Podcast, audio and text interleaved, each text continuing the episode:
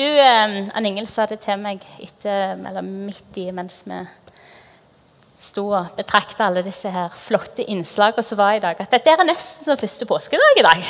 Er dere enige med meg i dag? Litt som første påskedag i dag. Og det syns jeg er helt konge, for egentlig så burde vi feire første påskedag hver eneste dag. Um, så jeg tenker at du skal, skal bruke denne anledningen til å bare si til den som sitter ved siden av deg, så kan du si liksom bare 'Kristus er oppstanden', så tar vi en skikkelig påskehilsen.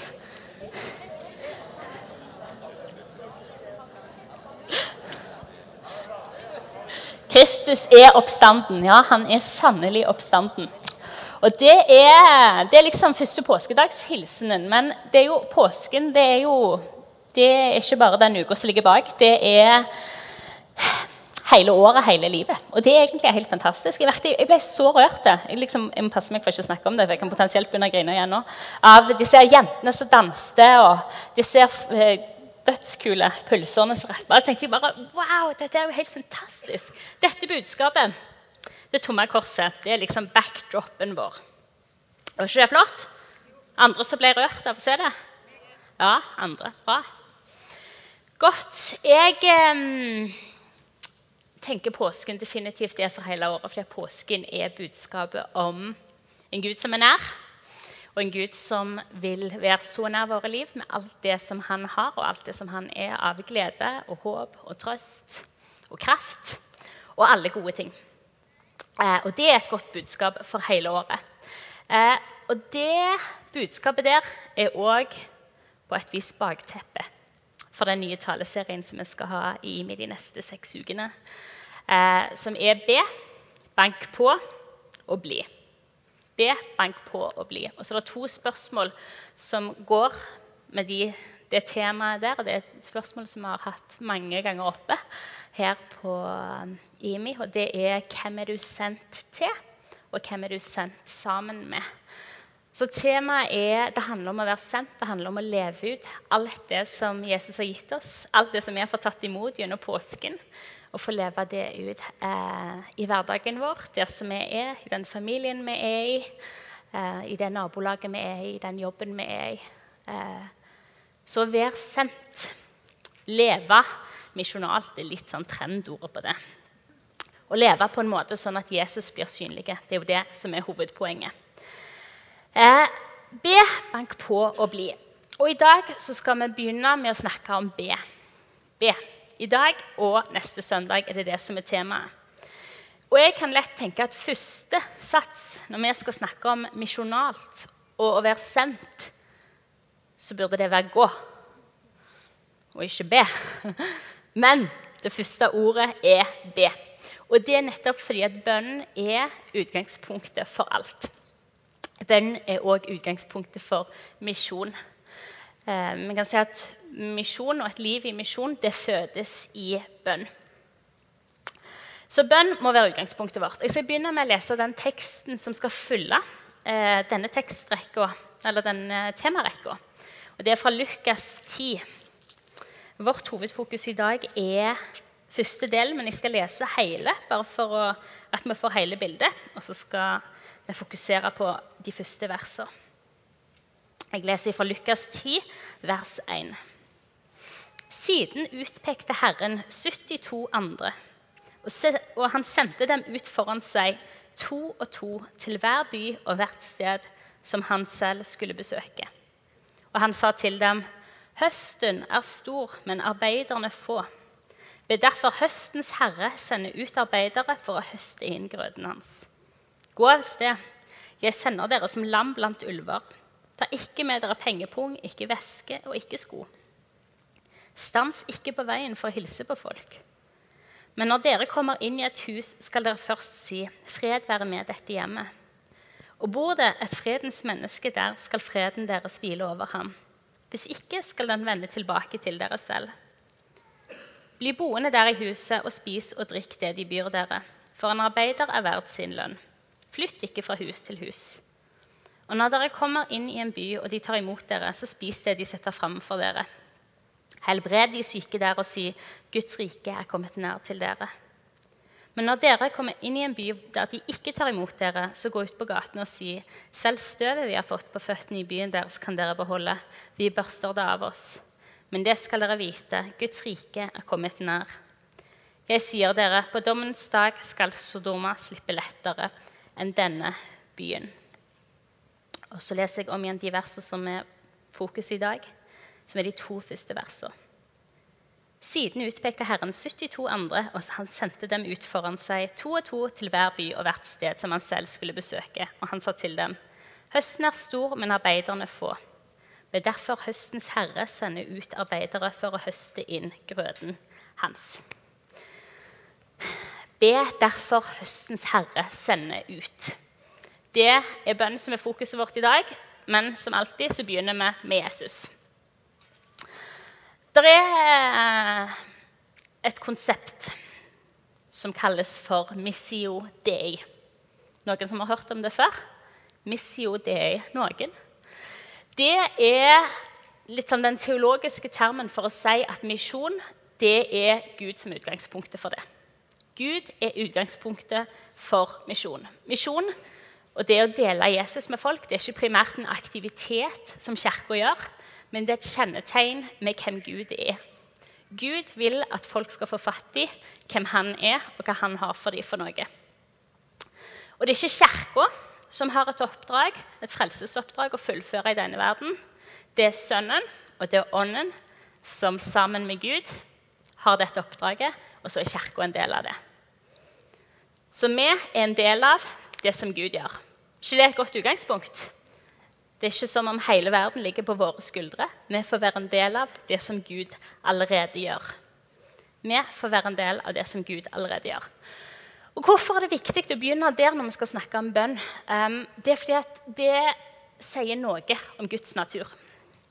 Dette er hvem Gud er. Guds tydeligste ønske for våre liv uh, og for folk som bor på denne kloden, er at de skal få tak i den godheten som han har for oss og for dem. At vi skal få vende om fra det som holder oss tilbake igjen. At vi skal få vende oss mot han og ta imot alt det som han vil gi oss. Og Gud ønsker dette her mest av alle. Og han er aktiv for at dette skal skje, for at dette skal bli en realitet. Så han inviterer oss til å være med på dette. Så nå kan du si til sidemannen din vi får være med på det som Gud gjør.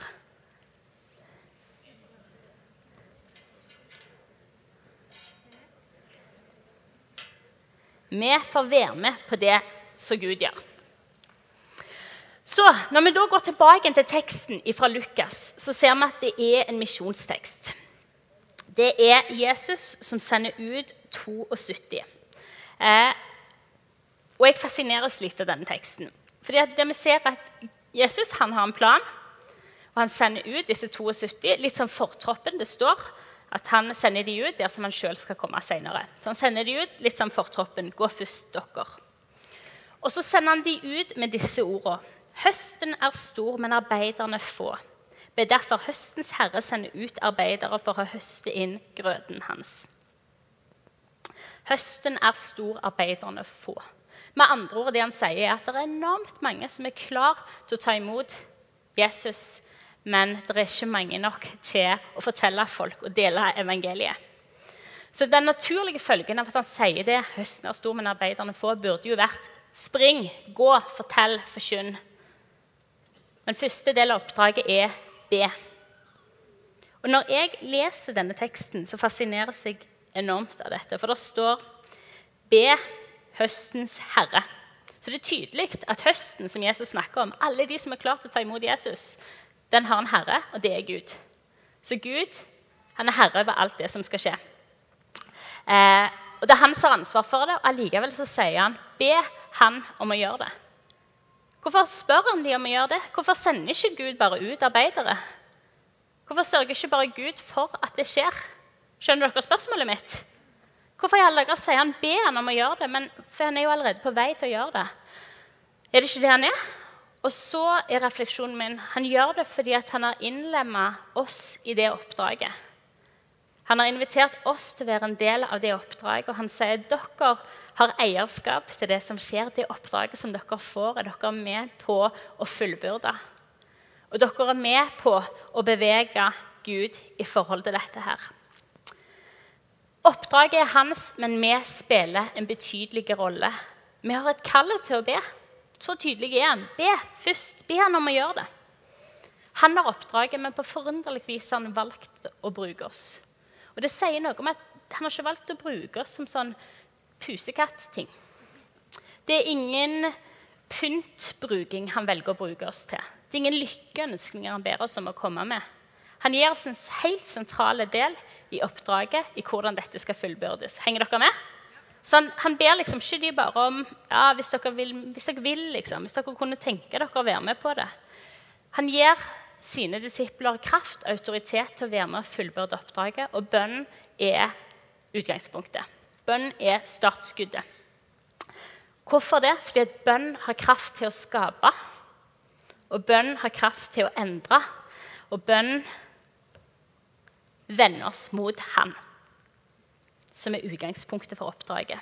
Og jeg har ofte tenkt at Hvis vi hadde visst hvor mye kraft det var i bønn, så hadde livet vårt sett ganske annerledes ut. Og hvor mye tid vi hadde brukt faktisk i bønn. Det er litt alvorlig. Det er en god utfordring for min egen del. Sikkert ikke for dere, men for min del. Bønnelivet mitt hadde kanskje sett litt annerledes ut. og Derfor tror jeg det er utrolig bra at vi fokuserer på det, sånn at det blir en stadig større del av hvordan vi lever og fungerer og tenker. Og I Lukasteksten så leser vi B. Og Det greske ordet som brukes her, det er 'det og meg'. Og Det står i sammenheng med et annet gresk ord som kommer senere, som er 'håpos', som betyr 'slik at'.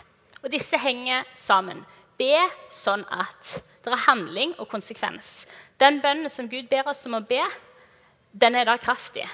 Det er ikke bare en det, skjønner dere det? Det er ikke bare en sånn en be fordi at dere skal fylle opp tida dere med noe. Men det er be for at, be for at kursen endres i dette her. Be for at Guds rike skal gå fram. Be sånn at handling, konsekvent, konsekvens. Vi ber fordi noe skjer. Jesus ber disiplene sine om å be fordi at noe skjer. Og bønn er kraft. Amen. Oi, det var ikke så mange som var enige i det. Bønn er kraft. Amen. Jesus påpeker det og viser disiplene at deres bønner har en konsekvens for hvordan dette oppdraget utarter seg. Deres bønner har en konsekvens.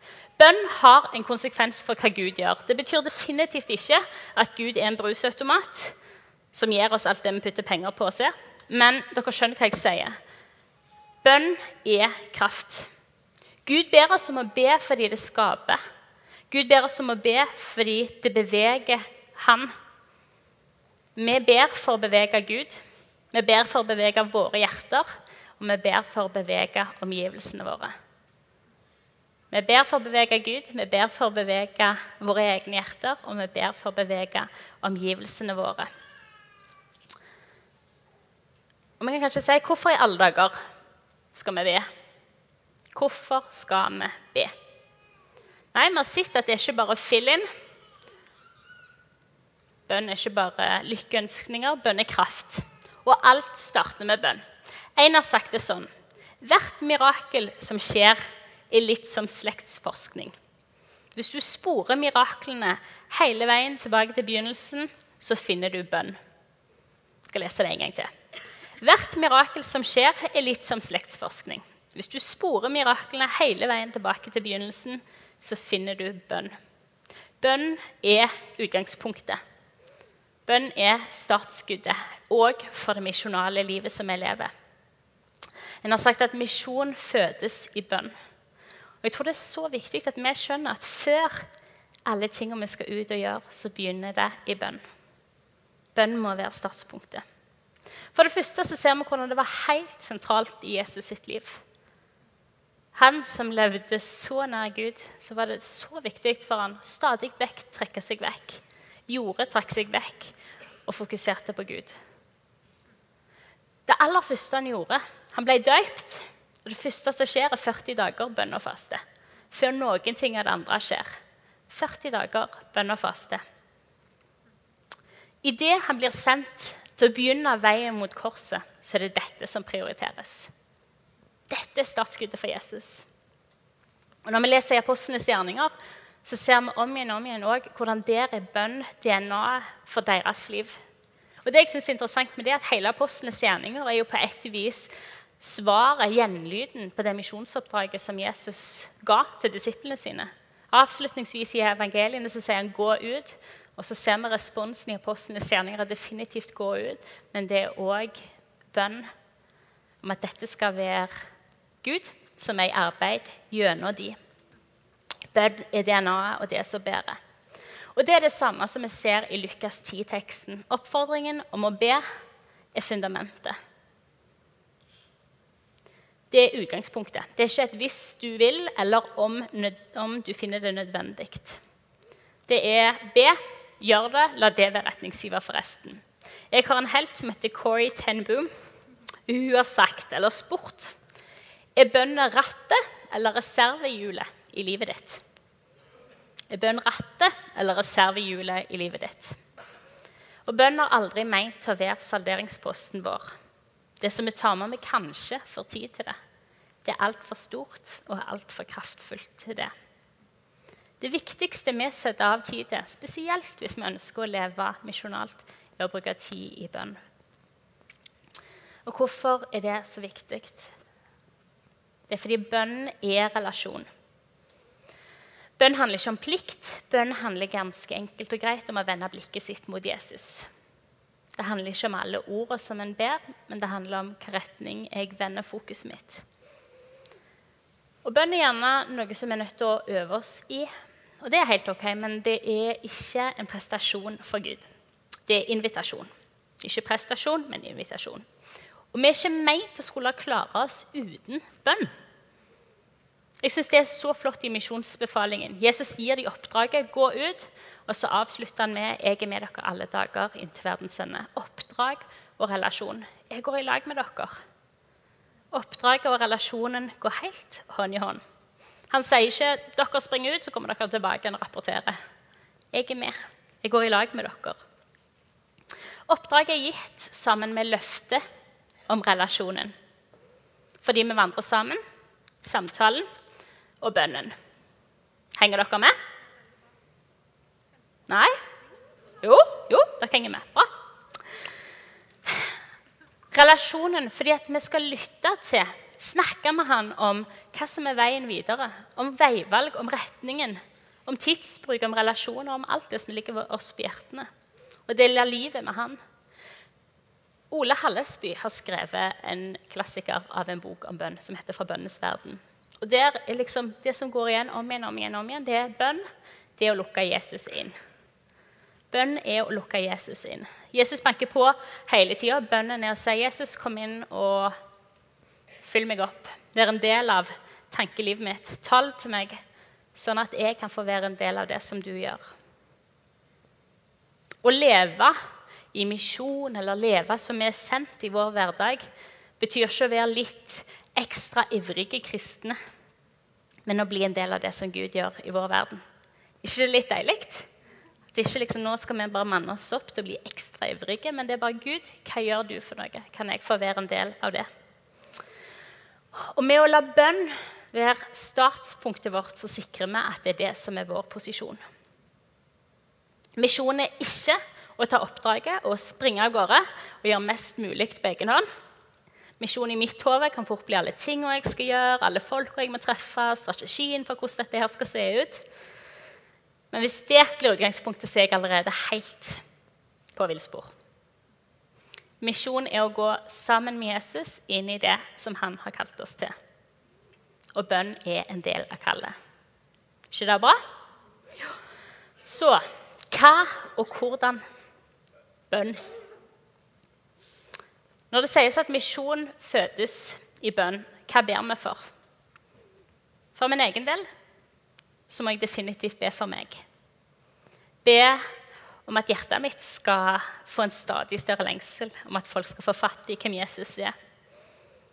Det er lett når en snakker om misjon, at en kan banke seg sjøl litt opp og si jeg har jo egentlig ikke så mye lengsel om at de jeg kjenner som ikke tror på Jesus, skal bli kjent med han.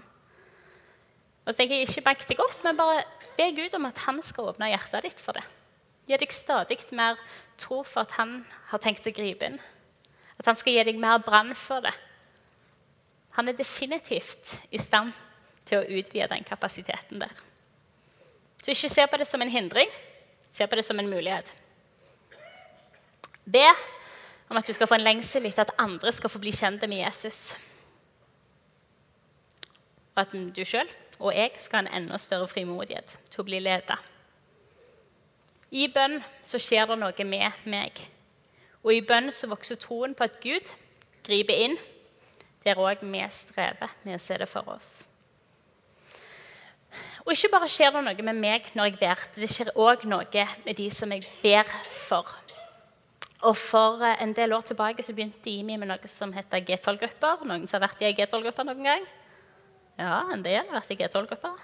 Eh, og det var veldig bra. Og en del av det opplegget handla om rett og slett å ha fokus på å be for de som er kjente, som ikke kjente Jesus. Og dette var ikke fordi at de var nå våre prosjekter for et eller annet. Nå skulle vi bruke tid med de fordi de var prosjektene våre. Det er jo helt på styr. På samme måte som at jeg ber ikke for noen syke fordi at de er prosjektet mitt, men fordi at jeg er glad i dem og har lyst til at de skal få, kjente, nei, få helbredelse i kroppen sin, så ber jeg òg for at de som jeg kjenner som ikke kjenner Jesus, skal ta imot Jesus nettopp fordi jeg er glad i dem, og fordi det er det beste jeg kan gi dem. Så G12 Poenget var å finne hvem er det i din omgangskrets, de som du kjenner som ikke kjenner Jesus, og så aktivt begynne å be for disse. Og finne ut av Hvordan kunne du gjøre det til en rytme? Be for de i cellegrupper, be for de i løpet av uka. Og det vi så at langt flere enn det vi hadde sett i løpet av vår historie i Imi-kirka, var at det var langt flere som tok imot Jesus enn noen gang før. ikke det er fantastisk? Å, for en entusiasme, da. Kom an, for det fantastisk! Yes! ja, nei Ja, ja. Første påskedag. Ja, ja. Det er fint. Langt flere tok imot Jesus, langt flere kom nærmere. Og Det sier noe om at det gjorde noe med hjertene våre, noe med fokuset vårt. Og det gjorde noe med folk som vi var rundt. Den bønnen vi ba, det var ikke bare lykkeønskninger, det var Gud som gjorde noe. Dere skal få treffe fantastiske Solvar. Kan jeg få mikrofonen? Solvar, du har en erfaring for dette. Kan ikke du bare dele? Ja. Eh, når jeg begynte i G12, da, som du kaller det Jeg kalte det cellegruppe. Gikk i cellegruppe. Eh, så ble vi jo utfordra på å finne tre stykk som vi skulle be for. Eh, og det gjorde jeg. Det var litt vanskelig å velge, men jeg valgte meg tre stykk som jeg ba for.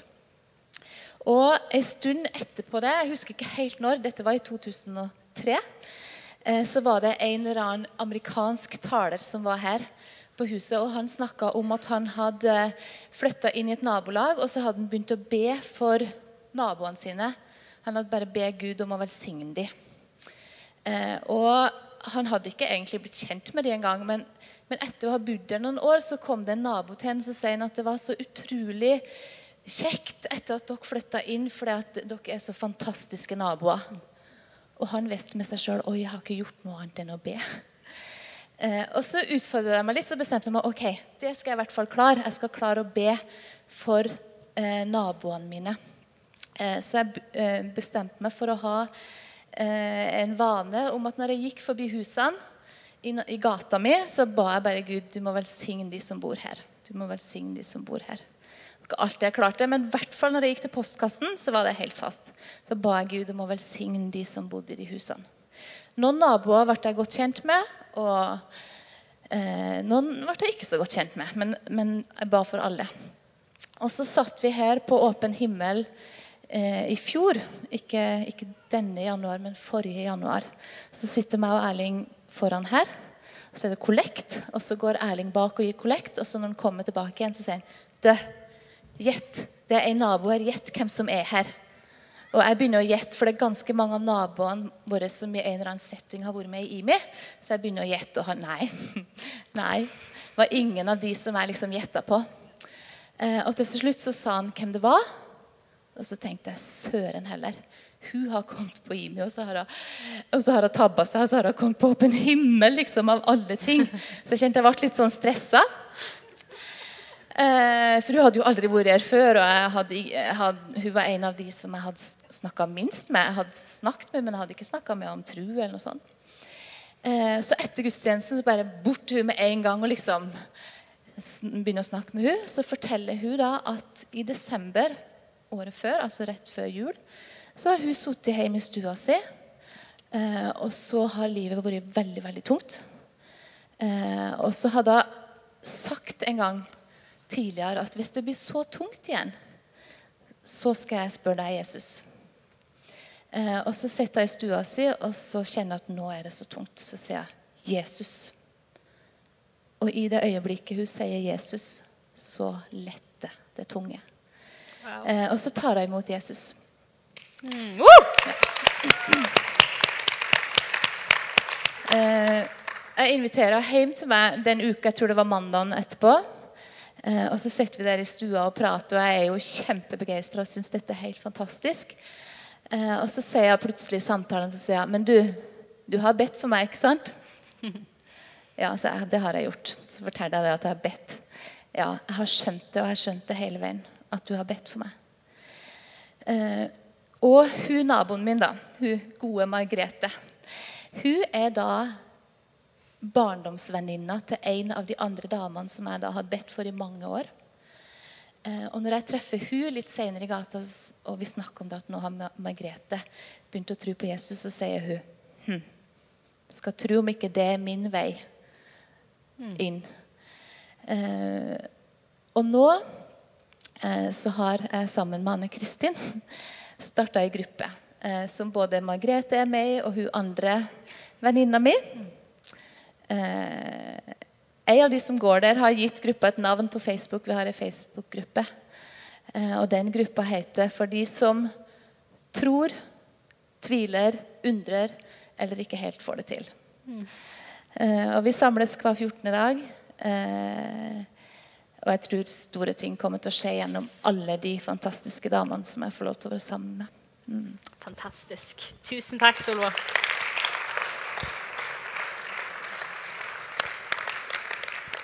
Ikke det er fantastisk å høre? Vi begynte å be, og så eh, er det ei dame som får livet sitt snudd opp ned. Jeg syns det er helt fantastisk. Bønn er der alt starter. Bønn er kraft. Bønn er relasjon. Men hvordan i alle dager blir dette en del av hverdagslivet? Jeg skal være ekstremt konkrete helt avslutningsvis. Jeg har prøvd å holde to ting sammen. På den ene sida å ha bønn som en del eh, og som en rytme i hverdagen for å invitere Jesus inn der. For å være kobla på, sånn at han kan tale om hva som ligger i denne dagen, og gi oss det vi trenger for å være disipler. På den ene sida bønn bare for å være kobla på Jesus, for å være i den relasjonen. Og på den andre sida hva vaner hvor vi ber for de som vi eh, kjenner, som ikke kjenner Jesus, eller for det, den gruppa med folk som Gud har gitt deg spesielt hjerte for, skal bli kjent med han. Eh, og sånn som i G12, eller det, bare dette fokuset med å be for folk som ikke kjenner Jesus, så tror jeg nettopp fokuset på det endrer våre hjerter. Og så skaper det faktisk noe inn i det som vi ber. Så jeg eh, på torsdag sendte ut en tekstmelding til noen av mine gode venner i litt forskjellige settinger av livet og spurte om hva de gjør for at bønn skal være en del av hverdagen deres. Og helt ærlig så ble jeg eh, ganske utfordra, men òg veldig inspirert når jeg fikk disse tilbake. For jeg tenkte dette er bare enormt gode tips. Dette vil jeg òg gjøre. Ehm, og jeg eh, skal lese. Ikke at jeg, fikk masse, jeg kunne skrive, sikkert skrevet en bok på det jeg fikk tilbake igjen. med noen av punktene jeg fikk. Og mens jeg gjør det, så vil jeg at du skal bare være åpen og tenke er det noen av disse punktene som jeg skal ta og gjøre en del av min hverdag. Kan dere være med meg på det? Hun første sier dagen blir alltid litt bedre når jeg har Mac-en nær badet med lovsang om morgenen. Ber i bilen kvarteret til jobb. Takker mye. Har begynt med lista over de jeg ber fast for. Hurra for den daglige disiplinen. Og så avslutter vi med, Men mest av alt er det en samtale som går gjennom hverdagen, med små kommentarer utallige ganger gjennom en dag. Det er mer en relasjon enn en aktivitet. En annen sier Jeg har min bønnestund om morgenen. Setter klokka og står opp tidlig. Går ned i kjelleren og setter på lovsangsmusikk på full guff. Setter på alarm på mobilen, så jeg slipper å følge med på tida. Ber høyt for å ikke sovne. Ber mye i tunger fordi jeg ikke har ord for alt. Og så lytter jeg til hva Gud har å si. Føler at denne rutinen gir meg rett fokus for dagen og for jobben. En annen sier jeg har rytme på når jeg ber. Jeg har skrevet ned tre bønner som jeg prøver å få bedt. En på morgenen, en midt på dagen og en på kvelden. Eller så ber jeg med ektefelle når vi har lagt oss om kvelden. Og så har jeg faste ting jeg ber sammen med sønnen min når det er jeg som legger den. For meg, sier hun, er det beste å ha faste tidspunkt eller å be sammen noen. Da blir det gjort. En annen sier jeg ber når jeg går tur, eller når jeg jogger, eller når jeg gjør andre gjøremål. Og når jeg våkner, så sier jeg 'god morgen', og så inviterer jeg Gud, Jesus og Den hellige ånd inn i dagen. Så sier hun for meg har det å finne tre stykker å be for og sette av et fast tidspunkt i døgnet og be for disse på, vært viktig. Og så har jeg gjenstander rundt omkring som minner meg om personer som jeg vil be for. En har sagt jeg har lagt inn bønneemner i kalenderen på mobilen med forskjellig gjentakelsesfrekvens. Det hender òg at jeg legger inn på klokkesvett på dagen som en hjelp. Følger Imi sin leseplan og spør Gud hva har du for meg i dag i det jeg leser. Spør Gud om ting både for dagen og for ellers. Jeg ber hver morgen, er det en som sier, fordi jeg skal treffe i løpet av dagen og ber om at jeg skal få være til velsignelse og få vandre i ferdiglagte gjerninger der hvor jeg er. Prøver òg å gjøre måltidet til et sted for bønn. Ikke hele måltidet, men noe. Sånn at det òg blir naturlig åndelige matstasjoner i løpet av dagen. En som sier jeg bruker en bønnebok, så jeg skriver ned bønneemner i, og med svardato når jeg får bønnesvar. Jeg ber for de som ikke kjenner Jesus, når jeg pusser tennene. Noen sier 'jeg ber for det' når jeg sitter på bussen. Ikke en som har avtalt at når jeg går fra parkeringsplassen til jobb, det er det tidspunktet, i alle fall det tidspunktet i løpet av dagen hvor jeg skal be for de jeg kjenner som ikke kjenner Jesus. Det er jo litt av et utgangspunkt for tida på jobb òg. Jeg ber hver kveld før jeg sovner. Eller som Solvår sa, hun ba når hun gikk til postkassen. Å finne konkrete holdepunkt. Da ber jeg. Dette vil jeg gjøre for at dette skal bli en del av hverdagen min. Jeg tror vi gjør det ekstremt vanskelig for oss sjøl hvis vi ikke velger sånne tidspunkt. Eller velger en måte det kan se ut på. For da forsvinner det fort ut i det store intet, og så ble det gode intensjoner. Så finne ut en måte dette kan passe inn i din hverdag på. Be Gud om å vise deg hvem du skal be for spesielt. Han elsker de menneskene som er rundt deg, langt mer enn det du gjør. Lytt til hva han har for dem. Så det er to sitat helt til slutt, og så skal vi be. Det første er Luther. Jeg har så mye å gjøre at jeg skal bruke de tre første timene i bønn. Jeg har så mye å gjøre at jeg skal bruke de tre første timene i bønn. Og så det er D.L. Som har sagt den som kneler mest, han står best. Den som kneler mest, står best. Det er gode utfordringer. Vi skal stå.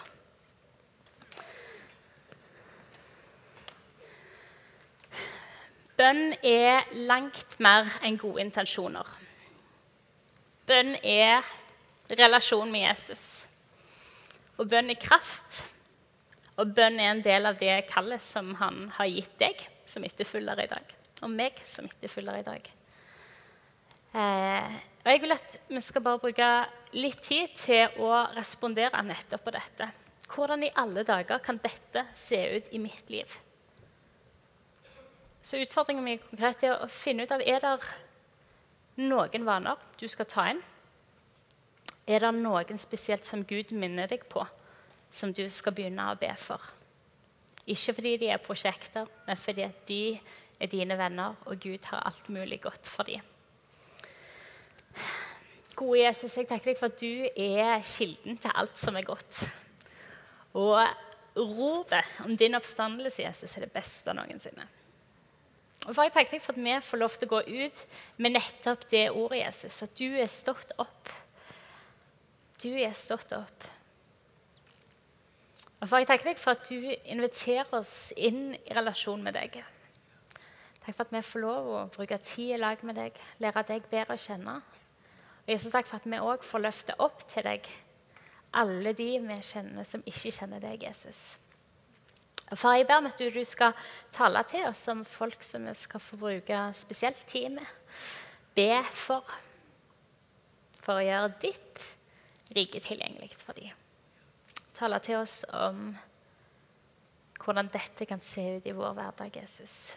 Vi har ikke lyst til at det bare skal være gode intensjoner, Jesus. Men vi vil gjøre bønn til ryggraden vår, Jesus. Til utgangspunktet. Kom, gode Hellige Ånd, og bare tal til oss om hvordan dette kan se ut i våre liv.